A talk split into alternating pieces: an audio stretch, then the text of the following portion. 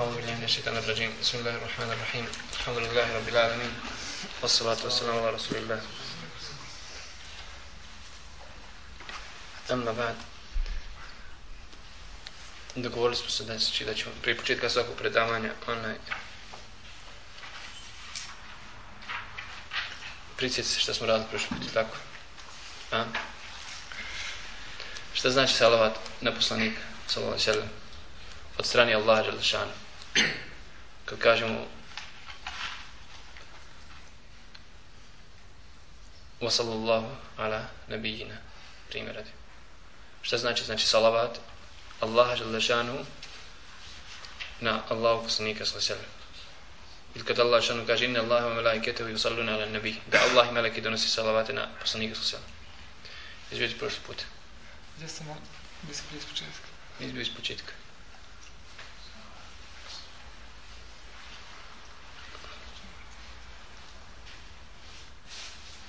Vi, sjećaš s tim? Sjeća.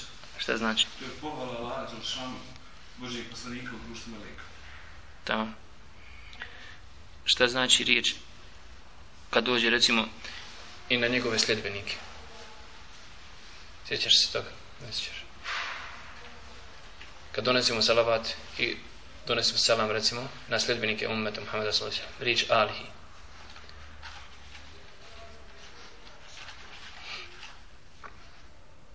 Dobro, znači šta znači salam?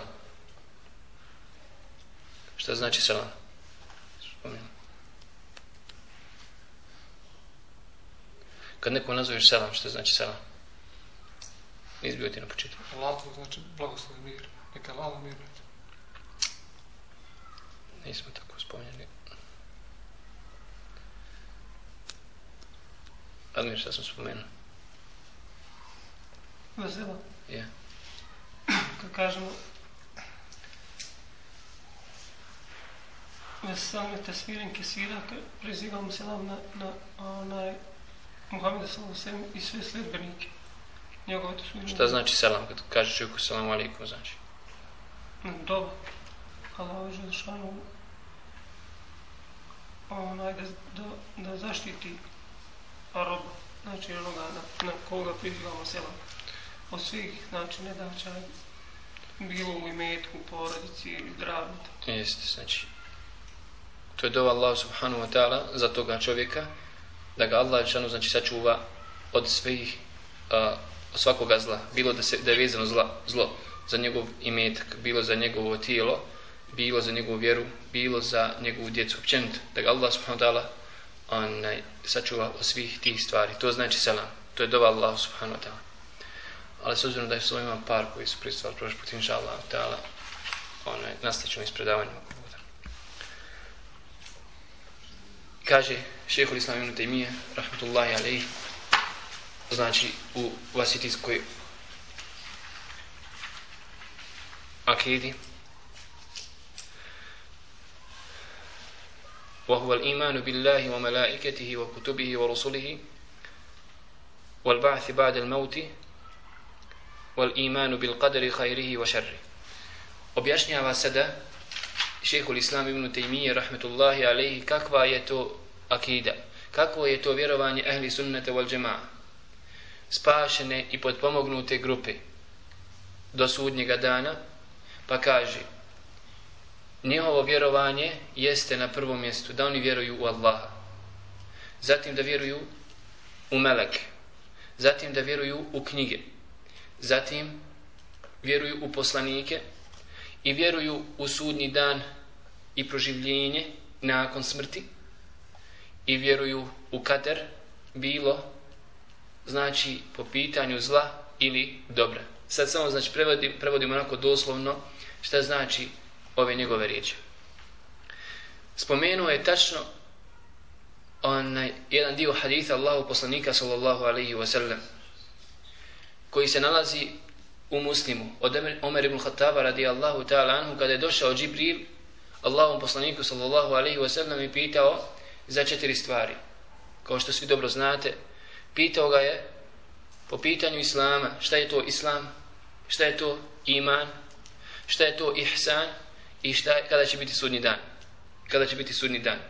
Pa je tada Allah poslanik sallam odgovorio šta je to vjerovanje. Pazite, Allah poslanik sallam je definisao iman. Znači, da vjeruješ u ove šest stvari koji se smatraju temeljom, temeljom našeg vjerovanja. Šta je to vjerovanje u Allaha subhanahu wa ta'ala? Kao prvi temelj našeg vjerovanja u islamu, pazite. Vjerovanje općenito. Znači, počet ćemo od značenja riječi vjerovanje. Vjerovanje, draga braćo, u jezičkom značenju ne možemo prevesti el iman, ne možemo samo prevesti kao vjerovanje. Razumijete? Ne možemo prevesti samo da to znači vjerovanje. Jer nije dovoljno da čovjek samo vjeruje da ima Allah subhanahu wa ta'ala. Pazite. Nego, mora to vjerovanje koje posjeduje čovjek i vjeruje da postoji Allah subhanahu wa ta'ala uroditi plodom. Što mora uroditi plodom da se odrazi to vjerovanje na naše srce, zatim na naše riječi i na naša djela. Jer imate mušrika u vremenu Allahu poslanika sallallahu alaihi wa sallam koji su vjerovali da postoji Allah subhanahu wa ta'ala. Razumite li? Ali to nije bila dovoljna stvar. To Allah što jasno u Kur'anu govori. Ali vjerovanje samo da postoji Allah subhanahu wa ta'ala nije dovoljno. Otuda u jezičkom značenju iman znači potvrđivanje. Pazite, potvrđivanje. Što podrazumijeva da si prije toga povjerovao da postoji Allah subhanahu wa ta'ala i potvrdio to. Potvrdio jezikom, potvrdio šta? Riječima i potvrdio djelima. Kažu islamski učenjaci da je osnova riječi al iman, vjerovanje, došlo od riječi amn, što znači sigurnost, pazite, što znači sigurnost, koja je sušta suprotnost od straha. Pa ako čovjek zna da vjera, da vjera znači sigurnost, kažu islamski učenjaci kao da hoće Allah subhanahu wa ta'ala da ti objasni da onaj ko bude imao vjerovanje u svome srcu, on ima sigurnost. Zato ćete vidjeti da su vjernici sigurni, stabilne ličnosti, nemaju straha.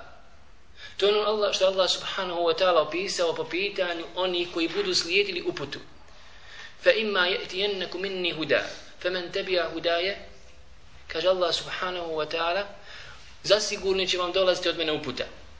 Pa ko bude slijedio moju uputu, fala khawfun alayhim wa lahum yahzanun. Neće imati straha i neće tugovati. Neće imati straha, pogledajte, sigurnost od onoga što će doći. Oni su sigurni u svoju budućnost. Ne boji se šta će doći sutra. Za razliku od džahila ili od nevjernika, pazite, koji su daleko od Allahove subhanahu wa ta'ala upute, koji nemaju vjera, vjere, naći ćete i neprestano da su raštrkani onaj misli. U nekom strahu žive od sutrašnjice nekakve, od sudbine, šta će ih zadesiti. Zato ćete vidjeti koliko oni pokušavaju da iskopaju rukama i nogama, šta će se desiti sutra preko raznih vraćara, gatara ili nekakvih parapsihologa.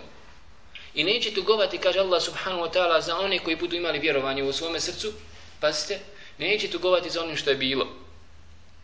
Ne tuguju za svojom prošlošću. Želimo da kažemo da samo jezičko značenje po pitanju riječi vjerovanje, al iman, upućuje da onaj ko bude ga imao, ko bude imao vjeru u Allah subhanahu wa ta'ala, on će biti siguran. Biće siguran na dunjaluku, bit će siguran u kaburu, bit će siguran na dan velikog straha na sudnjem danu i bit će siguran kada uđe u džennet. Vjerovanje u Allaha subhanahu wa ta'ala kao prvi ruk, prvi temelj našeg vjerovanja podrazumijeva vjerovanje u četiri stvari. Čovjek mora da vjeruje kad kaže da vjeruje Allah subhanahu wa ta'ala. Mora da zna da to podrazumijeva četiri stvari. Na prvom mjestu, da vjeruje u postojanje Allaha subhanahu wa ta'ala kao božanstva u njegovo postojanje. Zatim mora da vjeruje da je Allah subhanahu wa ta'ala, draga braća, gospodar. To se podrazumije ar-rububije. Da vjeruje znači da Allah subhanahu wa ta'ala jedan po pitanju rububije da objasnimo šta znači rububijet. Zatim mora da vjeruje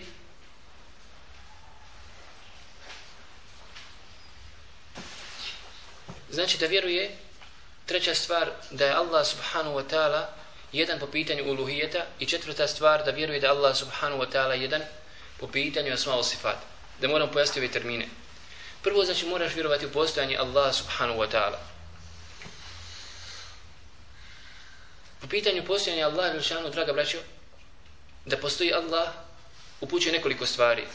Jedna od tih stvari jeste sam razum gdje čovjekov razum ako malo pogleda samo ko sebe vidi jednostavno da ništa ovdje na ovome svijetu nije postalo samo od sebe. Što upućuje da mora postojati neko koji je to tako savršeno stvorio preko planeta, zatim sunca, mjeseca, drveća i svi stvari koji su oko nas. Što jednostavno mora iz toga proizaći da je neko to stvorio, a to je Allah subhanahu wa ta'ala. Postojanje Allah upućuje također onaj opažanje naše. Pazite, da osjetimo postojanje Allaha subhanahu wa ta'ala da on zaista postoji. Kako to? Koliko puta čovjek zamoli Allaha Đelešanu za neku stvar u dobi? Pazite, ne prođe možda ni par trenutaka Allah Đelešanu mu ispuni tu njegovu dobu. Sigurno nema niko od nas, a da mu se nije koliko puta tako nešto desilo. Pazite, da je zaista nešto je molio Allah šanu i došla mu pomoć zaista onako kako je on tražio. Pogledajte što kaže Allah subhanahu wa ta'ala po pitanju Ejuba, alaihi salam, koji je bio skoro na samrtnim mukama. Do te mjere da mu se tijelo počelo raspadati. Da ga je na kraju njegova vlastita žena ostavila. Allah subhanahu wa ta'ala kaže wa إِذْ نَادَ رَبَّ spomeni Ejuba alaihi salam koji je zapomogajsao i zavapio Allahu subhanahu wa ta'ala. Kada je u tako teškim mukama zavapio i zapomogajsao zatražio pomoć Allaha subhanahu wa ta'ala. I zna da rabbe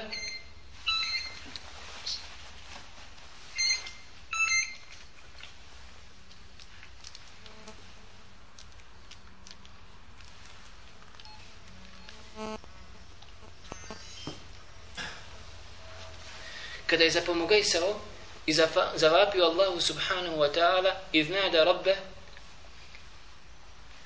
Anni meseni dur. Bože moj, mene je spopala te goba. Wa anta arhamur rahimin. A ti si najmilostivniji. Pazite. I tada kaže Allah subhanahu wa ta'ala fastejabna lahu. Odma ovo fa u arapskom jeziku podrazumijeva da se radi, odma desilo iza toga. Kada je došao takvo jedno stanje, kada je više izgubio bilo kakvu nadu od bilo koga od ljudi da mu išta može pomoći, Allah subhanahu wa ta'ala dao tada pomoć Ejubu alaihi salam i izliječio ga. Koliko kažem toliko put, koliko puta svako od nas može vidjeti u praktičnom životu osjeti jednostavno postojanje Allaha subhanahu wa ta'ala da Allah Đelšanu ima i da ga vidi i da ga čuje da čovjek uputi dovu Allahu subhanahu wa ta'ala kada vidi za ovoma kratko vrijeme nestane tugi koji je imao. Dođe želja ispuni mu se želja koju traži od Allaha subhanahu wa ta'ala što upućuje kažem svakodnevno u našem životu osjećaj nas naš upućuje na njegovo subhanahu wa ta'ala postojanje. Također, postojanje Allaha subhanahu wa ta'ala upućuje sama priroda koja je u čovjeku. Allah subhanahu wa ta'ala govori o ovoj prirodi, da je on uzeo zavjet, pazite, da je uzeo zavjet od svih naših duša, da će priznati ga kad dođe na ovaj svijet kao gospodara i da će znati za njega. Kaže Allah subhanahu wa ta'ala وإذ أخذ ربك من بني آدم من ظهورهم ذريتهم واشهدوا على أنفسهم ألست بربكم قالوا بلى شهدنا أن تقولوا يوم القيامة إن كنا عن هذا غافلين أو تقولوا إنما شك آباؤنا وكنا ذرية من بعدهم Kaže Allah subhanahu wa ta'ala govoreći o jednom prizoru. O prizoru koji se desio. Pazite. Koji se desio prije. Onaj naših dolaska ovdje na svijet u ezelu, u praiskonu, nakon, kažu islamski učenjaci na osnovu kuranskog ajeta, nakon stvaranja Adama alihi salam. Pazite. Kaže Allah subhanahu wa ta'ala, kako to tumači također Ibn Abbas, radi Allahu ta'ala, i kaže da se ovaj prizor desio na Arefatu. Pazite, desio se na Arefatu. Jedno od mišljenja, to je, to je štihad Ibn Abbas, radi Allahu ta'ala, da Allah subhanahu wa ta'ala izvadio iz kičme Adema alihi selam sve njegov potomstvo. Sve duše. I u drugoj predaji Allahu poslanika sallallahu alaihi wa sallam pazite da je tada onaj uzeo u svoj raspostro je svo potomstvo raširio ih onaj u svojoj ruci Allah subhanahu wa ta'ala koji su bili kao mravi. Tako kaže Allah poslanik sallallahu alaihi wa sallam i tada je podijelio na šta? Srećni i nesrećni. Koji će ući u džennet koji će ući u džehennem. jer u ovom hadithu imate usvrđivanje kadera. Allah subhanahu wa ta'ala. Da je sve odredio i zapisao ko će ući u džennet i ko će ući šta? U džehennem. razumijete li? E u ovom prizoru tada u ovom događaju Allah subhanahu wa ta'ala je tada rekao dušama svima, svima našim dušama alastu bi rabbikum. Priznajete li vi mene za gospodara? Rekli su svakako zbog čega? Kaže Allah subhanahu wa ta'ala an taqulu yawm al-qiyamati inna kunna an hadha ghafilin da ne biste došli na sudi dan i rekli mi nismo znali za tebe gospodar. Mi nismo znali da trebamo te obožavati. Nismo znali da si naš gospodar. Kažu islamski učenjaci da Allah subhanahu wa ta'ala nije poslao ni jednog poslanika i da nije poslao ni jednu knjigu, čovjek bi morao na osnovu svoje prirode koju nosi spoznati da ima neko koji je njegov gospodar. Razumijete li? Jeste razumijeli? Na osnovu ovoga, jer Allah želešenu je svakoj prirodi, onaj, u svakoj prirodi čovjeka stvorio ovu potrebu za vjerovanjem i potrebu za priznavanjem Allaha subhanahu wa ta'ala kao svoga gospodara. Zato imate hadith Allahu poslanika sallallahu alaihi wa sallam od Ebu Hurey radi Allahu ta'ala koji kaže hadith koga bilježi imam i Bukhari i Muslim svi znate da hadith kullu mevludin yuladu ala fitra fa abawahu yuhawidani au yunassirani au yun au yumajjisani kaže Allah poslanik sallallahu alaihi wa sallam svako dijete rođeno na fitri u prirodnoj vjeri to je ta prirodna vjera draga braćo koju svako dijete ima kod sebe svako od nas kad se rodi doše, dođe sa tom prirodom. Šta znači ta fitra? Kaže Ebu Hurire radi Allahu ta'ala anhu, pogledajte šta kaže Allah subhanahu wa ta'ala, onaj, šta znači i proučio jedan kuranski ajet koji upućuje je taj kuranski ajet da je ovdje prirodna čovjekova islam. Šta to znači? Šta znači to da se svako dijete rađa sa prirodnom vjerom? Kažu islamski učenjaci. Ne znači to kada bi uzeli sada dijete i ostavili ga 15-20 godina, bez ikakvih spoljašnjih uticaja, razumijete li, negdje tamo u pustinji ili negdje na otoku gdje nema nigdje žive duše. da bi on nakon 15-20 godina šta? Bio musliman. Ne znači to. Jeste razumijeli? Ali šta to znači? Znači da je Allah subhanahu wa ta'ala stvorio svaku čovjeka i njegovu dušu sa prirodom kojoj odgovara samo šerijat koji će Allah subhanahu wa ta'ala spuštati preko poslanika. Zato ćete vidjeti da širk Allahu subhanahu wa ta'ala je suprotan prirodi čovjeka. Ne može priroda čovjeka to shvatiti. Nikad ne mogu shvatiti trojstvo. Širk je neprirodan za čovjeku vjeru. S druge strane, svaki propis koji se nađe u šerijatu, koji Allah subhanahu wa ta'ala spuštao poslanicima, odgovara prirodi čovjeka. Zato ćete vidjeti da uopće nije došla recimo objava čovjek kada bi naišao ulicom i vidio čovjeka kako neki drugi udara staricu. Dijete malo, hoće zaplakati. Prisnut će, bit će mu to teško, zato što to prirod njegovi ne odgovara. Pa je došao šarija da zabrani takvi postupak. Razumijete li? I zato ne iste naći nijedan propis u šarijatu, bilo naredba, bilo zabrana, a da je suprotna prirodi čovjeka koji Allah subhanahu wa ta'ala stvorio u njemu. To znači da Allah subhanahu wa ta'ala stvara čovjeka u prirodnoj vjeri. Svaki pri, zakon koji nije od Allaha subhanahu wa ta'ala, koji su ljudi izmislili, pazite, ili vjerovanje, ubjeđenje, ideologija, bilo da, su, da je kršćanstvo, bilo da je židovstvo, bilo da, da su drugi onaj religije ili vjerovanje ili ubjeđenje, tu ta čovjekova ljudska priroda to ne prihvata. Ne može ona to podnijeti, nije joj to prirodno. Razumijete? Sada, kaže Allah poslanik sallallahu alaihi wa sallam, zbog vanjskih uticaja i vanjskih okolnosti, poput njegovih, njegovih roditelja. Febe vahu ju havu idani, evo ju nasirani. Evo, ju međisani.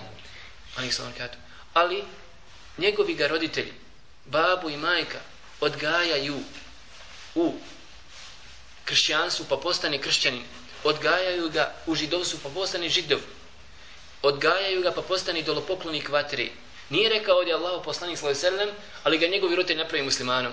Pazite, nije rekao Allahu poslanik sallallahu alejhi ve sellem napravi ga njegovi roditelji muslimanom. Zato što, šta? To je to se podrazumijeva zato što je samo prirodna vjera islam koja prihvata čovjekova duša i čovjekov znači priroda s kojim je Allah subhanahu wa ta'ala ga doveo na ovaj svijet. Zato, draga braća, onaj, imate meselu, imate problematiku među islamskim učenjacima. Šta je sa onim, onom djecom, pogotovo djecom mušrika, a? koji umru prije poneljestva. Je tako? Šta će biti sa njima? Kažemo da su, da su došli na ovaj svijet sa čime? Sa prirodnom vjerom. Kada je bio Allah poslanik sallallahu alaihi wa sallam upitan po pitanju djeci koja umru od mušrika prije punoljestva, kaže Allahu poslanik sallallahu alaihi wa sallam Allahu a'lamu bima kanu ja'malun. Hadis Bukhari i Muslimu. Allah najbolje zna šta bi oni radili kad bi odrasli. Oto da je ispravno mišljenje da se kaže shodno hadith Allahov poslanika sallallahu da će imati ispit na sudnjem danu. Jel razumijete? Imaće ispit na sudnjem danu gdje će im biti naređeno da uđu u vatru. Ko se pokori, ući u džennet. Ko se ne pokori Allahu subhanahu wa ta'ala, šta? Ući u džahannam kao što je propis za one ostale ljude do koji nije doprla objava. Jer imate ljude koji su živjeli između dvije objave. Razumijete li? Ili imate ljudi koji su bili daleko, daleko, daleko, nikad nisu čuli za poslanika ni jednoga. Jel razumijete? Ali to su mali iznimni slučajevi, onaj, za takve kažemo, oni imaju propis ehlu fitri. Jel, razumijete? I oni šta? Onaj, ha? Jest, imaće ispit na sudnjem danu, imaće ispit na sudnjem danu pred Allahom subhanahu wa ta'ala. Ibn Qayyim, Ibn Qayyim rahmatullahi alaihi spominje, kad sam tražio sjećam tu meselu, spominje koliko sjećam preko 20 ili 18, tako nešto, 17-18 mišljenja islamskih učenjaka po pitanju djece, mušika, šta će biti sa njima? Najbolje da se kaže, draga braćo, ovo što rekao Allah poslanik sallallahu alejhi ve Allahu a'lamu bima kanu ya'malun. Allah najbolje zna šta bi oni radili kad bi odrasli. Allah nije neprevedan je tako? Neće mu činiti nasilje i pogotovo što imamo hadis Allahu poslanika sallallahu alejhi ve sellem šta? Da? On neće biti ispit za njih na sudnjem danu. Što se tiče djece muslimana što se tiče djeci muslimana možemo inshallah Allah da kažemo da djeca slijedi šta svoje roditelje po pitanju onaj islama djeci muslimana Pogotovo kad znamo da će biti štit na sudnjem danu, je tako, od vatre i da će zauzimati za svoje roditelje, ona djeca koja budu umrla prije punoljestva. Prije punoljestva. Želimo reći da ova priroda s kojom čovjek dolazi na ovaj svijet jeste jasan dokaz postojanja Allaha subhanahu wa ta'ala. Jedan, znači od dokaza, onaj postojanja Allaha subhanahu wa ta'ala.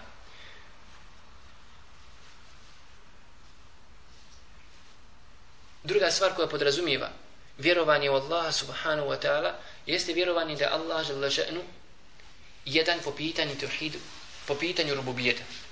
Šta znači rububijet? Draga braćo, treba da znate da rububijet ide onaj, kruži na tri stvari. Zasniva se na tri stvari. Na kuranskom ajdu kaže Allah rešanu Ela lahu mulk. Ela lahu amru val halk. Njemu pripada Allahu subhanahu wa ta'ala naredba i pripada stvaranje. I drugi kuranski ajet Walillahi mulku samawati wal ard. Allahu pripada vlast i na nebesima i na zemlji. Što znači da vjeruješ da je Allah subhanahu wa ta'ala jedan i jedini koji je apsolutni gospodar, pazite, i vlasnik ovog svijeta nebesa i zemlje. On, Allah subhanahu wa ta'ala, vlasnik, apsolutni vlasnik i vladar ovog kosmosa i svega što, što god postoji. To je prva stvar. Druga stvar da vjeruješ da samo njemu pripada naredba. Razumite? Po pitanju dešavanja stvari u ovome kosmosu. Kada će kiša pasti, kada će se desiti ovo, kada će onoga, razumite li? To samo i u rukama Allaha subhanahu wa ta'ala. I treća stvar jeste stvaranje. Što podrazumiva da je on jedan jedini koji može dati život, šta? Koji može dati smrt. Ove nove tri stvari, ako zapamtite, podrazumijeva vjerovanje u rububijet u ovi tri stvari podraz, vjero, znači smatra se onaj podrazumijeva se da je on Allah subhanahu wa ta'ala jedan po pitanju rububijeta. Rekli smo vlast, je tako? Da je Allah subhanahu wa ta'ala apsolutni vladar i da samo on posjeduje vlast na nebesima i na zemlji. Druga stvar jeste stvaranje. Da njemu pripada stvaranje, da je on taj koji daje život, koji daje na faku, koji daje smrt, koji daje na faku. I sve te stvari znači šta? Ovdje stvaranje. I da njemu pripada ovdje na ovome svijetu naredba. Razumite li? I da on samo može upravljati upravljanje ovim kosmosom, zemljom, nebesima. Dobro, postavlja se pitanje. Kako to kažemo da je samo Allah subhanahu wa ta'ala vlasnik ili vladar? Kad vidimo da Allah žele še'nu je usvrdio vjernicima da oni imaju vlast. U Kur'anu Allah žele še'nu kaže a uma melekete imanukum ili što, vaše, što je pod vašim rukama, što vi posjedite u svojim rukama. Razumite? Allah u drugom kuranskom ajetu kaže Allahu samo pripada vlast na nebesima i na zemlji. A u drugom kuranskom ajetu koji smo spomenuli Allah ustvrđuje vlast ljudima. Kako spojiti tu stvar? Ima li kontradiktornosti? Kažu islamski učenjaci, ovdje nema nikakve kontradiktornosti, jer se podrazumijeva apsolutna vlast Allaha subhanahu wa ta'ala. Razumijete li? I njegova vlast je neograničena, njegova vlast je apsolutna. Niko ne može mu narediti šta će raditi. Razumite li? Za razliku od vlasti čovjeka, čija je vlast ograničena. Ako posjeduje jednu kuću, ili dvije, ili nekoliko auta, ne posjeduje drugu i treću i petu i desetu kuću. Ako posjeduje ovo, ne posjeduje ono. Znači njegova vlast je šta? Sasvim ograničena. S druge strane, ne može raditi sve što god hoće sa onim što posjeduje. Za razliku od Allaha subhanahu wa ta'ala, inna amruhu idha rade še'en en yakule lahu kun fayakun. Kada Allah subhanahu wa ta'ala hoće bilo što da uradi u svome, u svojoj vlasti, što posjeduje, samo kaže budi i ono šta biva. A ti posjeduješ mnoge stvari, ne možeš da radiš kako hoćeš, u kogod situacija. Posjeduješ nešto, ne možeš da radiš što ti hoćeš. Čak u onome što, ne, što posjeduješ. A kamo li sa onim što ne posjeduješ. Otuda, na ovakav način, razumijevaju se kuranski ajeti i se podrazumijeva vlast Allah subhanahu wa ta'ala koja je apsolutna, neograničena. Također isto po pitanju stvaranja, pazite, Allah Žešanu je ustvrdio kao što je došlo u hadisu Allahu poslanika sallallahu alejhi ve sellem, gdje Allahu poslanik sallallahu alejhi ve sellem ustvrdio da će da ljudi nešto mogu stvoriti. Jer će biti na sudnjem danu rečeno onima koji su slikali. Hadis u Buhari. Biće rečeno onima koji su slikali. Ohju ma halaktum. Oživite ono što ste šta stvorili, pazite. Allah poslanik sallallahu kaže da će biti na sudnjem danu reč, rečeno onima koji su slikali oživite ono što ste stvorili. A sad smo rekli da samo stvaranje pripada Allahu subhanahu wa ta'ala. Kažu islamski učenjaci, draga braća, da Allahu subhanahu wa ta'ala stvaranje jeste iz čega? Iz ničega. A za razliku od ljudi, pogledajte, bilo koja inovacija njova, bilo što da urade napravi, ona je iz nečega. Razumijem? Brate, hoš napraviti, moraš od drveta. Hajde stvori drvo iz ničega. Razumijete čemu se radi? Za razliku od Allah subhanahu wa ta'ala koji stvara iz ničega mogu klonirati, mogu raditi šta god hoće, ali opet moraju šta? Naći spermatozoid od čovjeka, razumijete li? Jeste razumijeli? Kanti Allahu subhanahu wa ta'ala stvaranje apsolutno. Što stvara, što podrazumija stvaranje iz ničega. Za razliku od ljudi koji uvijek moraju napraviti nešto, ako možemo reći stvoriti, šta? Od nečega. Bilo šta. Otuda vidi se apsolutna razlika između stvaranja Allaha subhanahu wa ta'ala i dijela ljudi. Jeste razumijeli? To je druga stvar koja podrazumijeva vjerovanje u Allaha subhanahu wa ta'ala. Jer, draga braća, zašto nam je bitno da shvatimo? Zato zaista što ćete vidjeti, vidjeti da ima ljudi koji vjeruju da neko može raditi neke stvari, upravljati ovim kosmosom. Ili da može određeni stvari koje su ovdje, ove pojave oko nas, može upravljati sa njima. Vjerujte, neko već je baš u, ra, u, u, onaj, na Kaliman, baš da vidim neke stvari kako kruže oko tebe ovo ono, I potrefilo se, dobili su nekakvog parapsihologa, Damira, koliko, u tom smislu. Sma, smatraju ga Nostradamusa ovdje u Bosni, šta znam. Parapsiholog. I vjerujte, znate koliko poziva, koliko one ljudi pitaju ovako, onako, proriče im sudbinu, vjeruje, vjeruju da može, one, šta se desi sutra, onaj, po pitanju proricanja zemljotresa, kad se desi zemljotres ovaj, kad se desi ovaj, globalne nekakve svjetske politike, kako će završiti, razumite li? Sve su to dijela kufra, širk Allahu subhanahu wa ta'ala, draga braća. Razumite li? Što automatski poništava čovjekovo la ilaha illa Allah. Kako ti koji vjeriš u Allah subhanahu wa ta'ala, ko znaš da niko ne zna gajb, osim Allah subhanahu wa ta'ala. Da niko ne može upravljati ovdje, ovim kosmosom. Da ne može niko. onaj e, dati da bude zemljotres, potres ili onaj život ili smrt i tako dalje, razumijete li? Kako onda možeš povjerati takve bljuvotne i takve gluposti, takve priče? I se razumijeli? Zato kažem, čovjek vjernik, vidjet ćete ga. Možda imate ljudi koji vjeruju Allah i klanja možda pet vakata namaze, ali će povjeriti ovakvim sličnim stvarima. Što je dijelo koji čovjek apsolutno odmah izvodi iz vjeri. Jer kako ti koji vjeruješ u Allah ličano možeš takvim stvarima povjerovati kada ti je to strogo, strogo, strogo zabranjeno na osnovu onaj jasnih kuranskih ajeta i sunneta Allahu poslanika sallallahu alaihi wasallam. Treća stvar koja podrazumijeva vjerovanje u Allaha žele jeste vjerovanje u jednoću Allaha subhanahu wa ta'ala u pitanju uluhijeta. Što podrazumijeva čvrsto naše ubjeđenje da ibadet pripada samo Allahu subhanahu wa ta'ala. Što znači, dragi brat, da ti nije dozvoljeno da upućuješ dovu nikome drugome osim Allahu žalašanu. Da ti nije dozvoljeno da učiniš seždu nikome drugome osim Allahu žalašanu. Niti ruku, niti poniznost, razumijete li? Nije dozvoljeno da prinosiš kurban bilo kome osim Allahu subhanahu wa ta'ala. Jednom riječu, sve što god je ibadet, obredoslovlje, razumijete li? Što je došlo u šarijetu da je ibadet, nije dozvoljeno da ga uputiš bilo kome mimo Allahu subhanahu wa ta'ala. Ni poslaniku, ni poslaniku, ni, ni meleku Džibrilu, ni meleku Džibrilu. Isključivo samo Allahu subhanahu wa ta'ala. To kada čovjek zna, kada vjeruje, tako da je Allah želešenu jedan i jedini koji zaslužuje da biva obožavan i da se samo njemu smije uputiti ibadet, onda, draga braća, njegovo vjerovanje u Allah subhanahu wa ta'ala biva ispravno. Po pitanju ove tri stvari, pazite, moraju biti potpune. Ukoliko čovjek zanegira bilo koje od ove tri stvari koje smo spomenuli, bilo da sumnja u postojanje Allah subhanahu wa ta'ala, nije vjernik. Pazite, bilo da sumnja da neko drugi može upravljati ovim kosmosom ima Allah da može dati smrt, da može dati život, razumijete li? Koji su od osobina, isključivo samo Allah subhanahu wa ta'ala, nije vjernik.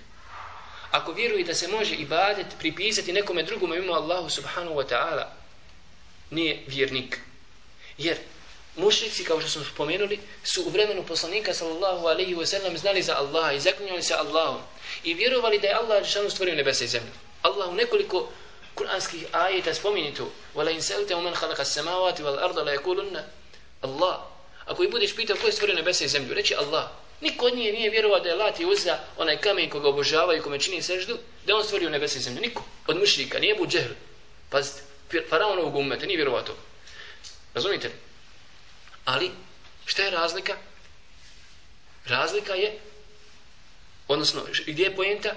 Pojenta je kad je došao Muhammed, sallallahu alaihi wa sallam, Abu Džahlu, rekao, hoću ovaj samo jednu riječ. Reste la ilaha illallah. S obzirom da su oni znali šta znači la ilaha illallah, podrazumijeva to da nema istinskog božanstva koji zaslužuje da biva obožavano sa svojim, sa svojim seždom, sa svojim rukom, sa svojim namazom, pazite, ne zaslužuje bilo koje drugo božanstvo da bude obožavano ima Allah subhanahu wa ta'ala, kažu ne. Hiljadu riječi ćemo ti reći samo nikad la ilaha illallah. Zato što znali šta znači la ilaha illallah. Znali što to znači više nema obožavanja, nema više sežde, nema više rukua, kipu. Nema više vezanja svoga srca za alata i uza ili Menata ili nekoga drugog božanstva. To znači da moraš samo onda obožavati Allah žele. Jeste razumijeli? Zato kažemo jasno, ovdje vidi se da nije dovoljno, draga braća, da čovjek vjeruje postoji Allah. Niti da vjeruje da je Allah želešanu taj koji daje život, koji daje smrt, da je on koji daje na faku i on je taj koji je stvorio nebese i zemlju i on upravlja time. Ni to nije dovoljno. Nego mora biti ova treća stvar. A to je da vjeruješ i da radiš shodno tome, pazite, da tvoj ibadet mora biti isključivo Allahu Đalešanu. I onda ostaje ova četvrta stvar koja shodno, pazite, od situacije do situacije može potpuno čovjeka izvesti iz vjeri ako zanegira neke stvari, a može samo umanjiti njegovo vjerovanje. Jeste razumijeli? ova četvrta stvar.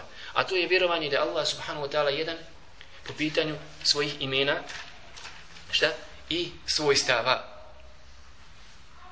Da čvrsto vjerujemo da Allah subhanahu wa ta'ala ima svoja lijepa imena i uzvišena svojstva bez da upoređujemo ta Allahova subhanahu wa ta'ala svojstva sa bilo čime od njegovih stvorenja, niti da govorimo po pitanju kakvoći da pitamo kakva su tu Allahova subhanahu wa ta'ala svojstva, razumijete li? Onaj, niti da sada dođemo pa da zanegiramo neka od tih Allahovi svojstava. Nego opisujemo Allah Želešenu onako kako on sebe opisao u Kur'anu i kako ga je opisao njegov poslanik Muhammed sallallahu alaihi wa sallam u vjerodostojnom sunnetu. Kažem, ove četiri stvari moraju biti da bi čovjekovo bilo potpuno vjerovanje u Allaha subhanahu wa ta'ala. Jeste li razumijeli? Nemojte da vas zbuni po pitanju ovih sad detalja. Pazite. Islamski učenjaci govore da je iman vjerovanje svakog čovjeka u osnovi općenito. Jedan dedo koji ima 70 godina koji ne zna ni čitati ni pisati rekao la ilaha illallah klanja posti. Razumijete li? Jeste razumijeli? Hoćemo da reći ti moraš da znaš sve ove stvari ovako ovako pa da bio vjernik? Ne. Njegovo vjerovanje je općenito. Jeste razumijeli? On vjeruje u la ilaha illallah, vjeruje sve što je došao Allah poslanik sallallahu alaihi wa sallam. Razumijete? Ali, kažu islamski učenjaci, imate vjerovanje koje je pojedinačno, koje je, koje je detaljno. Zbog ovih detalja, kaže Allah, kažu islamski učenjaci, zbog toga je Allah odlikovao učenim nad neučenima. Innama jakša Allah min ibadil ulema. Pazite, najviše se Allah subhanahu wa ta'ala boje učeni. Shodno koliko budeš poznavao ove stvari i općenito, razumijete li?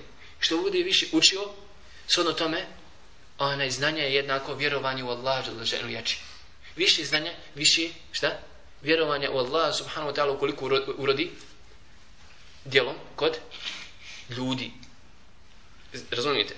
Zato kažem, ove stvari morate razumijeti zbog ovih detalja koji se nalazi kroz Kur'an i kroz sunnet Allahu poslanika sallallahu alaihi wa sallam zbog ovih detalja Allah žele daje veći iman i veći vjerovanje i jači ubjeđenje u Allah subhanahu wa ta'ala od onoga ko ne posjeduje tu stvar.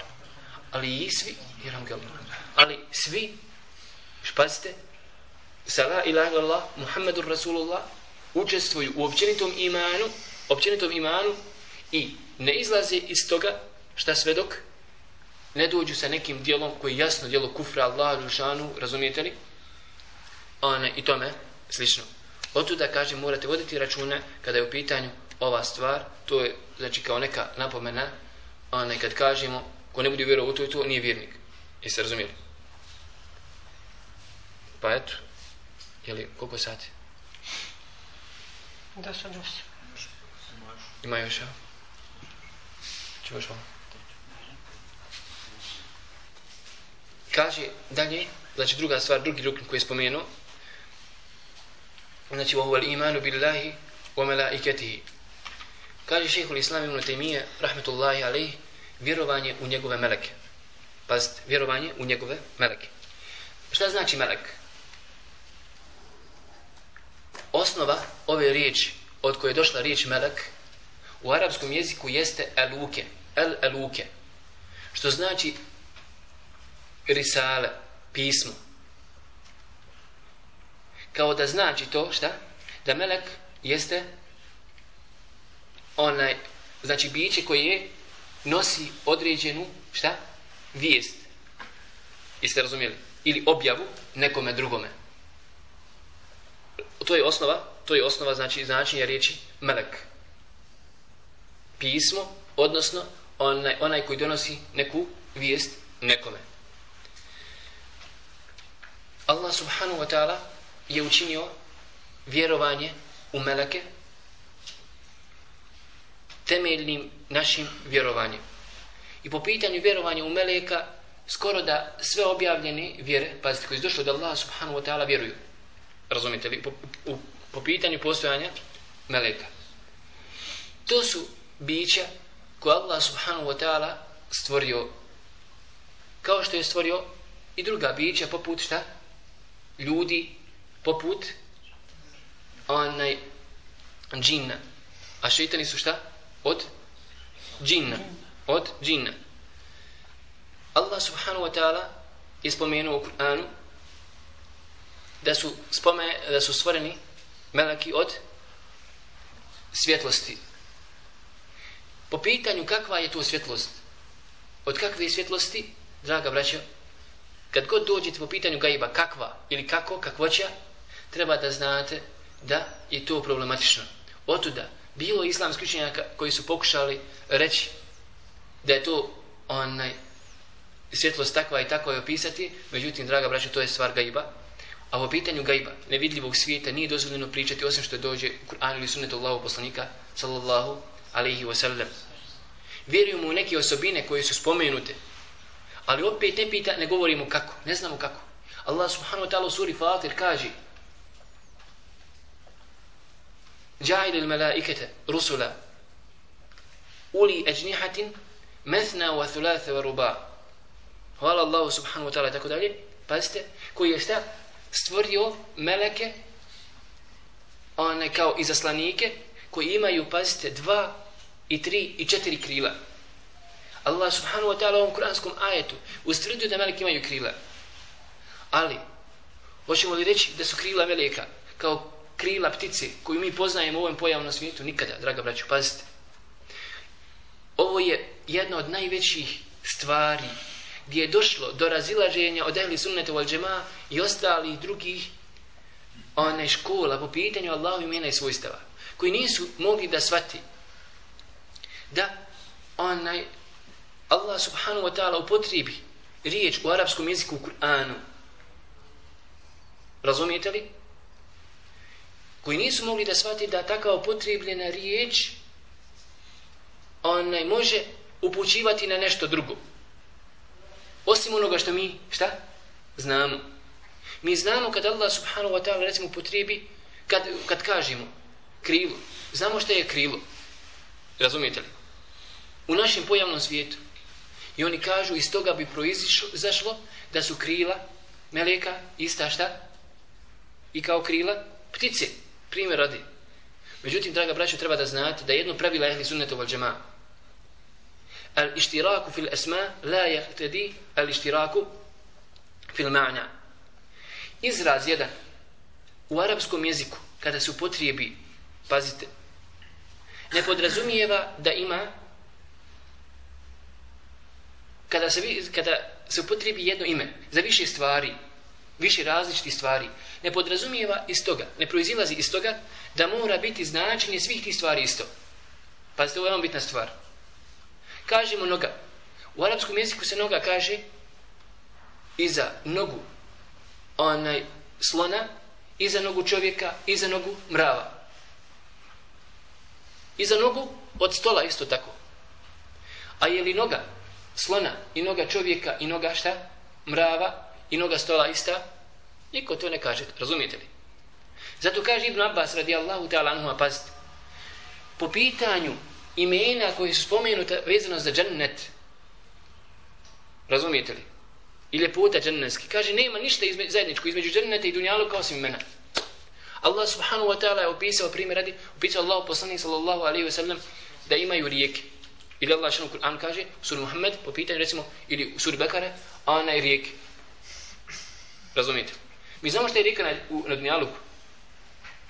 Ali kako možeš zamisliti rijeku u džennetu kad kaže Allahu poslanik sallallahu alaihi wa sallam u njemu se nalazi ono što je ljudsko oko šta? Nije vidjelo niti je ljudsko onaj, mašta mogla to shvatiti. Kako god da zamisliš ne možeš zamisliti ljepotu te rijeke, nemoguće. Jeste razumijeli? Zato kaže Ibn Abbas, nema ništa zajedničko između dženneta i ovoga svijeta osim imena. Ti možeš, ti možeš skontati šta je žena. Ali da skontaš šta je hurija, Razumiješ? Nikada, nemoguće, draga braću. Nemoguće, draga braću, to za dunjaluk. Otuda, otuda moraš shvatiti kada Allah subhanahu wa ta'ala kaže po pitanju melijeka da imaju krila, vjerujemo da imaju krila, ima i melijeka koji imaju dva krila, koji imaju tri krila, koji imaju četiri krila, vjerujemo tako, zato što Allah subhanahu wa ta'ala obavijesti nas u Kur'anu i ne govorimo kako će. Kažemo, zato što zakoni koji su vezani za gajb svijet, pazite, šta? Ne mogu, oni su različiti i ne mogu nikako se uporediti za zakonima koji mi poznajemo oko sebe. Razumite li? Ovo je, draga braća, pravilo koje smo sad malo pojasnili. Veoma bitno kad budemo dalje nastavili govoriti po pitanju Allahovi imena i svojstava. Jer ne smiješ sa svojim krnjavim mozgom praviti na njega analogiju vezano za gajb svijet. Razumite li? To je tako, ima šeha Zendani spominje jedan fin, zaista fin primjer kada je u pitanju ova stvar. I par puta sam spominje ovako. Onaj, zamislite, kaže pijetla koji se nalazi na pučini. Spominjao sam, mislim, možda na Bjelama, onaj, u tom kontekstu. Pijetla koji se nalazi na pučini. Ili čovjeka koji se nalazi na pučini slijep. Nikada nije, onaj, šta? Vidio. Čitav život bio slijep. I nađe se na brodu čovjek taj slijep, onaj, kad mu Allah subhanahu wa ta'ala šta? Povrati vid. Samo jedan trenutak. I prvo primjer što ugleda, recimo, šta? Jarbol. Razumijete li? Takav slijep 20-30 godina bio, nikad ništa nije vidio svojim očima na dunjaluku. Progleda samo jedan put i vidi jarbol na brodu. I nakon toga odmah Allah subhanahu wa ta'ala oduzme vid. I sad ti takvom čovjeku hoćeš da objasniš šta ima na kopnu. Nikad nije vidio kopnu. On ne zna šta je kopnu. Nije ga vidio. Hoćeš da objasniti primjer radi kakav je pijetao. Kažeš mu ima pijetao tako i tako. Prvo što ste pitati šta? Šta ima zajedničko pijetao i jarbul? On je samo zna šta je jarbul. On ne zna šta je pijetao. Nikad nije vidio. I se razumijeli? On zna, ima samo jednu stvar. Ono što on zna, njegov mozak dokle dopro, vidio je tu i sad, on će ti pokušati, bilo šta da mu kažeš, on će ti pokušati praviti analogiju na ono što on zna. Allah subhanahu wa ta'ala te obavijestio da ima i meleke ti zna, ima i krila. Ti znaš, ima ptica krila. Jesi razumio? To je ono što ti znaš, to je tvoje, to je tvoje znanje u kakvom se ti okruženju nalaziš. A sada što krila, melek, ne liči apsolutno, nema nikakve zajedničke dodirne tačke sa krilom. Šta? Ptici koju ti znaš, to je drugi problem. Jel razumijete? Otuda, ali sunna wal džema, draga braća, postavlja ovo zlatno pravilo. Po pitanju Allahu imena i svojstava. To je ono što je ljude odvelo u zabudu po pitanju imena i svojstava. Što su rekli kada Allah subhanahu wa ta'ala kaže, Allah je šanu jasno u Kur'anu kaže da ima ruke, pazi, dvije ruke, Allah je jasno kaže.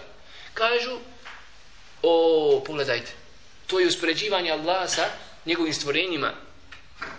I se razumijeli? Ali Allah jasno u Kur'anu to kaže, šta je rešenje? Kaže za negirati. Ne znači to ruke, to znači nešto drugo. Izokrećanje Allahovi subhanahu wa ta'ala ajeta. Jel razumijete? Allah će jasno kaže, lej se kimitli ši. Ništa njemu nije slično. To uzmi pravilo. To je prvo pravilo kod ehli sunnete vol džema. Ništa Allahu džadlašanu nije slično. Pazite.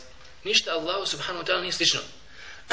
Što god da zamisliš, kako god da zamisliš, Allahu subhanahu wa ta'ala ništa nije slično. Kako možeš zamisliti gospodara Allah subhanahu wa ta'ala, draga braća?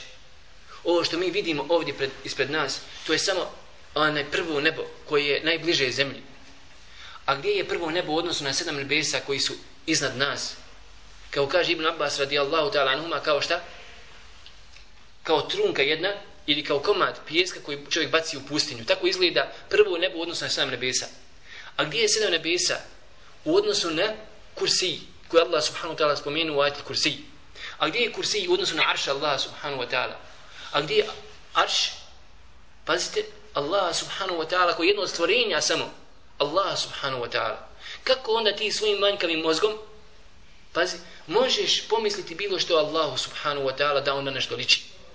Ili da neko, neko njegovo Allahovo svojstvo kojim se ono pisao u Kur'anu može ličiti onaj nekom od svojstava njegovog stvorenja. Subhanallah. Razumite li, draga braća? E to je navelo što neki one ljude i neke pravce pazite po pitanju vjerovanja, kažu rješenje da bi, da bi ne bismo usporedili Allah sa njegovim stvorenjima, da ne bismo bili antropomorfisti, pazite, rješenje hajmo zanegirati sva Allahova svojstva. Ili hajmo priznati samo neka. Pazite, jel razumite? A ostale ćemo zanegirati. Ali kažem ovo za samo novo primjer, onaj, u ovom slučaju, u ovom kontekstu, da vam pojasnim ovo malo, onaj, malo digresije, smo napravili zato što kad kažemo tako da Allah šanu kaže da melek imaju po dva i po tri onaj, i po četiri krila, da nijekom slučaju čovjeku ne padne nešto ne pamet, jer Allah subhanahu wa ta'ala i stvar gajba, bilo meleka, bilo dženneta, bilo džehennema, draga braćo, pazite, one šta, nišemu nije slično. Allah šanu spomenuo, ukratko još malo, inša Allah, spomenuo Allah subhanahu wa ta'ala Džibrila, Džibril koji je opunomoćen za objavu, u kome se nalazi život za srca, pazite. Allah subhanahu wa ta'ala je spomenuo meleka Mikaila, opunomoćenik za kišu. U kiši se nalazi život za zemlju i za bilje. Allah subhanahu wa ta'ala je opunomoćio meleka Israfila za puhanje u rog, u čim puhanju se nalazi život, šta? Za za tijela. Razumite li? Otuda, draga braća, kažu islamski učenjaci, ova tri meleka su najodabranija meleka. Zato je Allah u poslanik sallallahu alejhi kako došao hadis sahih Muslimu na, no, na noćnom namazu molio Allah subhanahu wa ta'ala kao gospodara ovih meleka. Allahumma rabba Džibrila wa Mikaila i wa Israfil. Bože moj gospodaru me, Džibrila i šta? Mikaila i Israfila. Kažu zato što svima njima zajedničko život. Svima njima je zajedničko to što su oponomoćeni za neku stvar u kojoj se nalazi život. Zato je Kur'an s kojim je došao Melek Džibril Muhammedu s.a.v. život za ljudska srca, draga braćo. Zapamtite, ljudske duše ne mogu se, kako tijela imaju potrebu za hranom, tako duše imaju potrebu za isto tako. Hrana tijela jeste ovo što vidite, a hrana duše jeste Kur'an, jeste objava od Allah subhanahu wa ta'ala. Razumijete? I s obzirom da sva tri ova meleka su oponomoćeni za neku stvar u kojoj se nalazi život, šta? Kažu islamski učenjaci, zbog toga je Allah subhanahu wa ta'ala odabrao ova tri meleka. Spomenuti su još neki drugi meleki, poput meleka smrti. I nigdje nije došlo u vjerodoslovnom hadisu da je, da je njegovo ime šta? Azrail. Nigdje. Allah subhanahu wa ta'ala kaže Kul je tevofakum melekul mautil ledhi ukele bikum. Reti usmrti će vas melek smrti koji je opunomoćen. Opunomoćen za to. Allah subhanahu wa ta'ala ovdje usvrdio da je melek smrti jedan melek taj koji vadi dušu. Međutim, Allah subhanahu wa ta'ala kaže Allahu je tevafal anfuse hine mautiha. Allah je taj koji usmrćuje čovjeka šta? Prilikom smrti. Sebi sada ovdje usvrdio Allah šanu da on taj koji usmrćuje. I Allah šanu kaže hatta iza jaethum rusuluna je. Kaže onda kad dođu naši izaslanici da ga usmrti. Sada Allah šanu na trećem mjestu spomenuo da ima više meleka koji usmrćuju čovjeka. Jeste razumijeli? U jednom kuranskom ajetu Allah usvrdio da je melek jedan koji smrćuje. U drugom kuranskom ajetu usvrdio Allah subhanahu wa ta'ala da je on taj koji smrćuje. I u trećem kuranskom ajetu spomenuo Allah subhanahu wa ta'ala da ima više meleka koji smrćuju čovjeka. Kažu islamski učenjaci, onaj koji vadi dušu iz čovjekovog tijela, pazite, jedan je melek. Koji vadi dušu iz čovjekovog tijela je jedan melek. Kako se to može jasno vidjeti u hadithu koga bilježi Ahmed u svojom musnedu od Bera ibn Aziba, da ostali meleki dođu i sjednu šta? Na onoliko koliko dopire čovjekov pogled. pogled. Tamo gdje ti dopire zadnji pogled, dok možda vidiš, na toj daljini sjednu ostali meleki, bilo dobri ako si bio dobar, bilo loši, šta? Ako si bio loš. I kada melek smrti izvadi dušu iz čovjekovog tijela, tada preuzimaju duš, dušu, šta? Melek i njegovi onaj pomagači. I to je ono što Allah subhanahu wa ta'ala rekao u kuranskom ajetu. Jer ovdje hadis Allahu poslanika sa sve pojašnjava kuranski ajet koji dođu sa čefinima bilo onaj mirisnim ili smrdljivim, razumijete li, shodno duži kakva je. A što se tiče toga da Allah subhanahu wa ta'ala ustvrdio da je on taj koji smrćuje dušu, to znači da Allah subhanahu wa ta'ala taj koji izdaje naredbu i naređuje. Jel razumijete?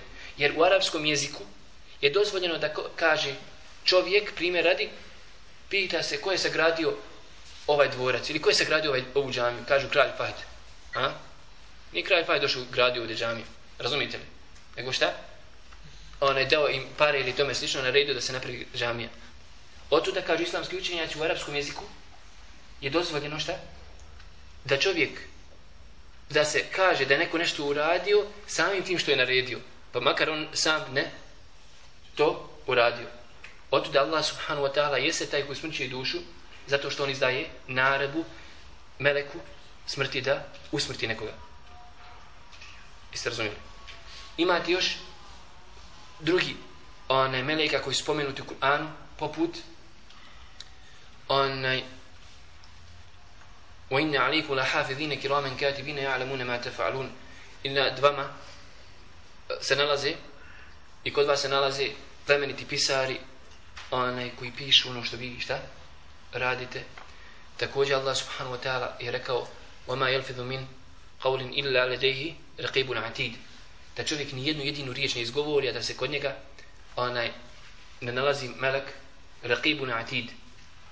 Ova dva meleka različni islamski učenjaci. Da li je ovo ime? Da li su imena Raqibun Atid za im, dva imena za meleke? Ili su osobine? Što podrazumijeva žest, ljud, že, meleke koji žestoko prati. Je li to osobina ili ime? Pazite. Pronađen je ispred džamije na polcama cipila ključ od golfa. Osoba koja ga izgubila može da ga podigne u jezinsku sobu. Vjerujem da ne bi smo išli mita. Znači, Raqibun Atid, ne znam, ispravno mišljenje da je to osobina. Znači da su to meleki koji žestoko prate onaj, što se dešava, razumite li?